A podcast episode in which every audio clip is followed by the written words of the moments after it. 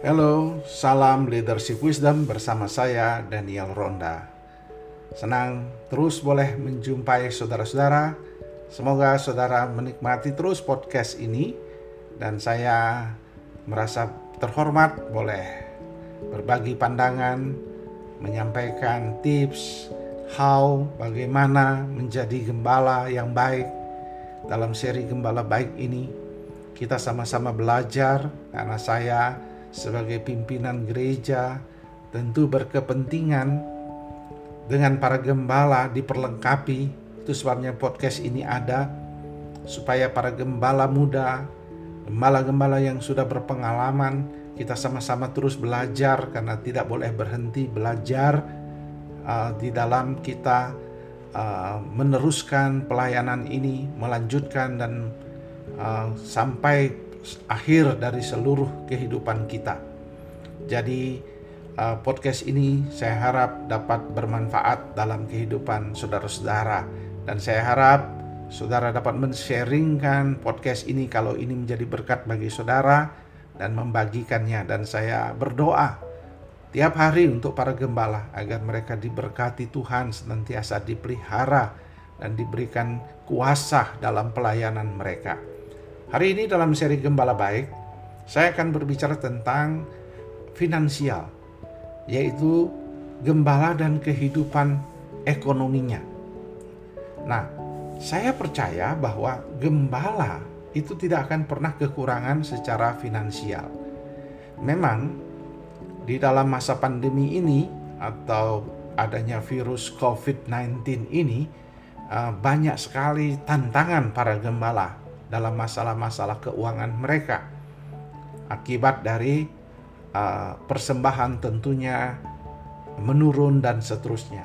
Tetapi ingat pada prinsipnya menjadi gembala kata mentor saya pendeta Nyoman Enos di Bali itu tidak akan pernah kekurangan karena di dalam 1 Korintus 9 ayat 14 kita diingatkan, kita diyakinkan para gembala, orang yang dipanggil dalam pelayanan Injil pasti akan hidup oleh Injil.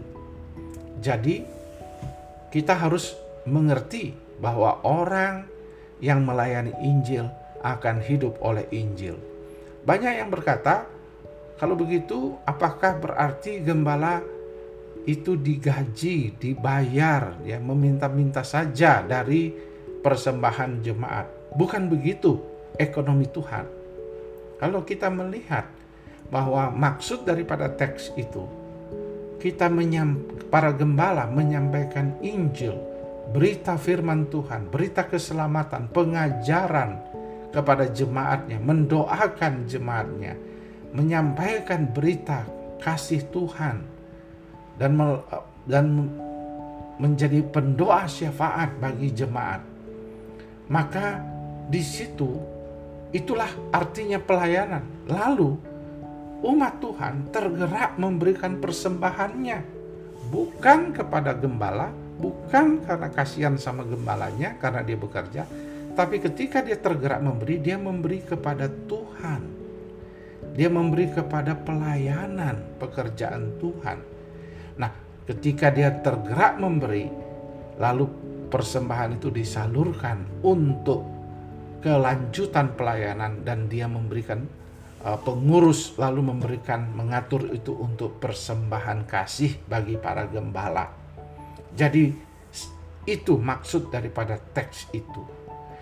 Pengalaman saya sebagai hamba Tuhan selama 30 tahun melayani.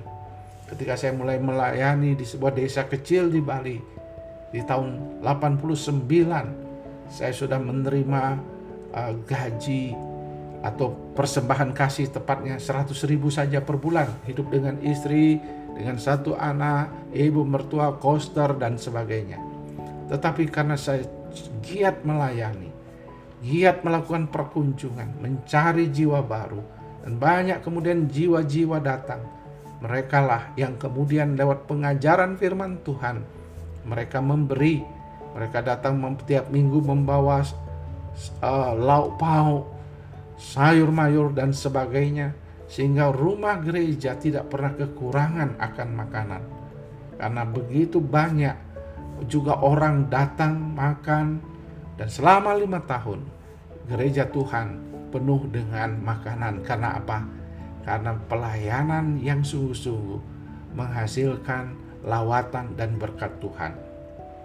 Itu sebabnya saya berharap saudara-saudara di dalam seri ini jangan sekali-kali kita khawatir uh, tentang pelayanan kita.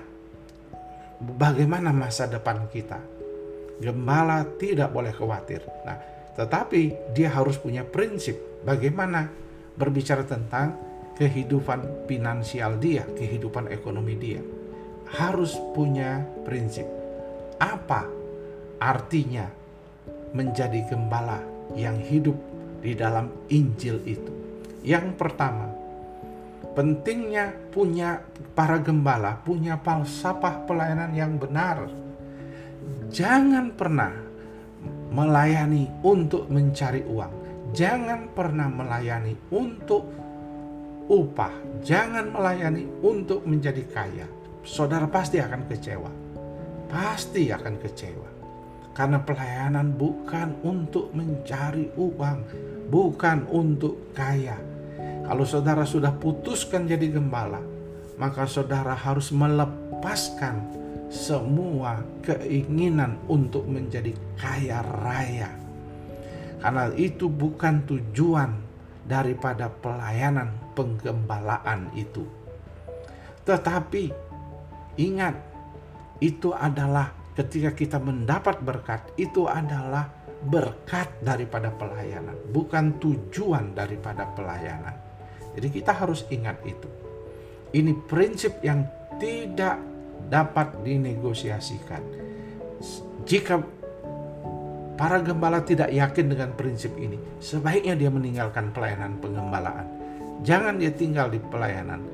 Karena kalau dia tinggal di pelayanan dengan mengharapkan uang, dia akan merusak pelayanan. Itu yang harus diingat. Prinsip yang kedua, gembala harus rajin melayani. Tidak ada kunci ekonomi Tuhan akan uh, bekerja di dalam pelayanan kita. Kalau kita malas bergerak, kita santai, kita tidak uh, berbuat sesuatu. Kami berharap saudara para gembala yang telah bertemu hadirat Tuhan di pagi hari, maka sepanjang harinya dia menata waktunya, membuat waktunya efektif dari pagi sampai uh, malam jika jemaatnya masih sedikit, dia bisa membuat misalnya uh, kebun, dia bisa membuat tanaman dan sebagainya, beternak dan sebagainya, sambil dia mendengarkan khotbah-khotbah, mendengarkan uh, kebenaran firman Tuhan, lalu nanti sore hari dia mulai berkunjung sampai malam ia melakukan tugas-tugas sehingga terus dia menyingsingkan lengannya. Kalau uh, gereja saudara berada di pedesaan. Kalau di perkotaan kita bisa memanage waktu kita, mengatur waktu kita, bagaimana mengatur pelayanan dari pagi sampai malam. Jadi itu sangat penting sekali. Yang ketiga, prinsip pelayanan ialah gembala tidak harus menderita, tetapi dia harus siap bayar harga. Saya selalu katakan, jangan buat gembala kepada jemaat ya, kepada jemaat kalau saya khotbah di jemaat, jangan buat gembalamu menderita. Jangan membuat dia susah, jangan kikir memberi kepada Tuhan yang disalurkan kepada gembala. Ingat, ketika kita memberi kepada gembala, kita sedang memberi kepada Tuhan. Jangan ragu membawa natura. Natura itu artinya uh, makanan, lauk pauk datang ke gereja ke pastori. Jangan ragu-ragu memberi itu. Saudara tidak sedang memberi kepada uh, orang miskin. Orang uh, wajib memberi kepada orang miskin. Maksud saya, jangan, saudara merasa, oh ini saya belas kasihan. Kasihan. Jangan memberi karena kasihan. Tapi saudara memberi karena ini Tuhan sedang memberi pelayanan kepada Tuhan.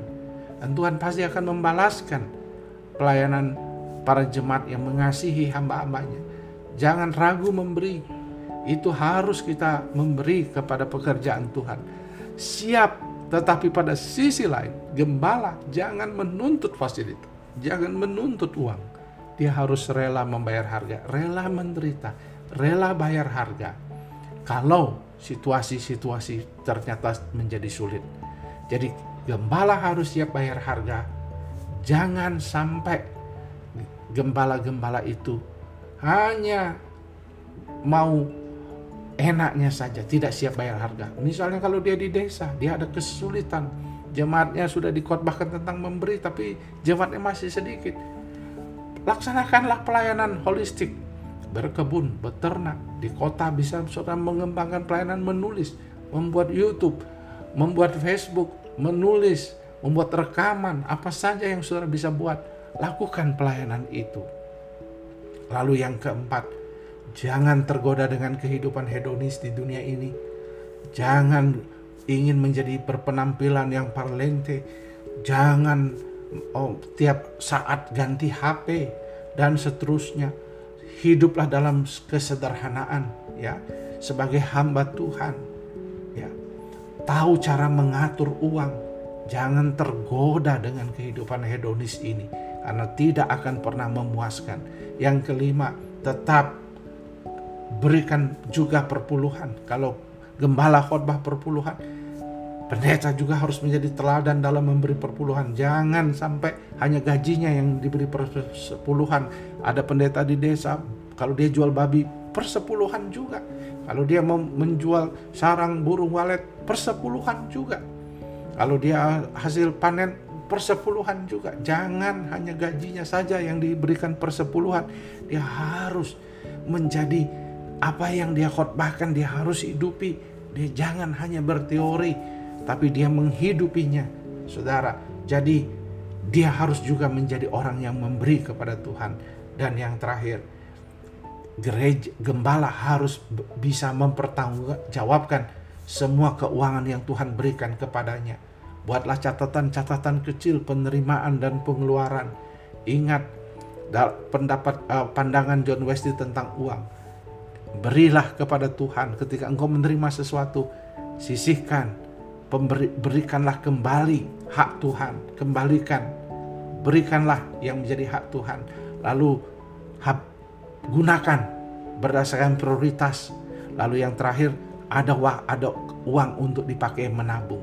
Jadi kita sebagai gembala harus mengerti apa artinya hidup oleh Injil. Kita tidak pernah takut kekurangan karena Tuhan pasti pelihara kita, tapi kita tidak boleh menjadi hamba uang. Kita harus melihat uang sebagai berkat Tuhan dalam pelayanan kita. Tuhan kiranya menolong kita dalam pelayanan kita. Kiranya Tuhan akan memberkati kehidupan ekonomi kita.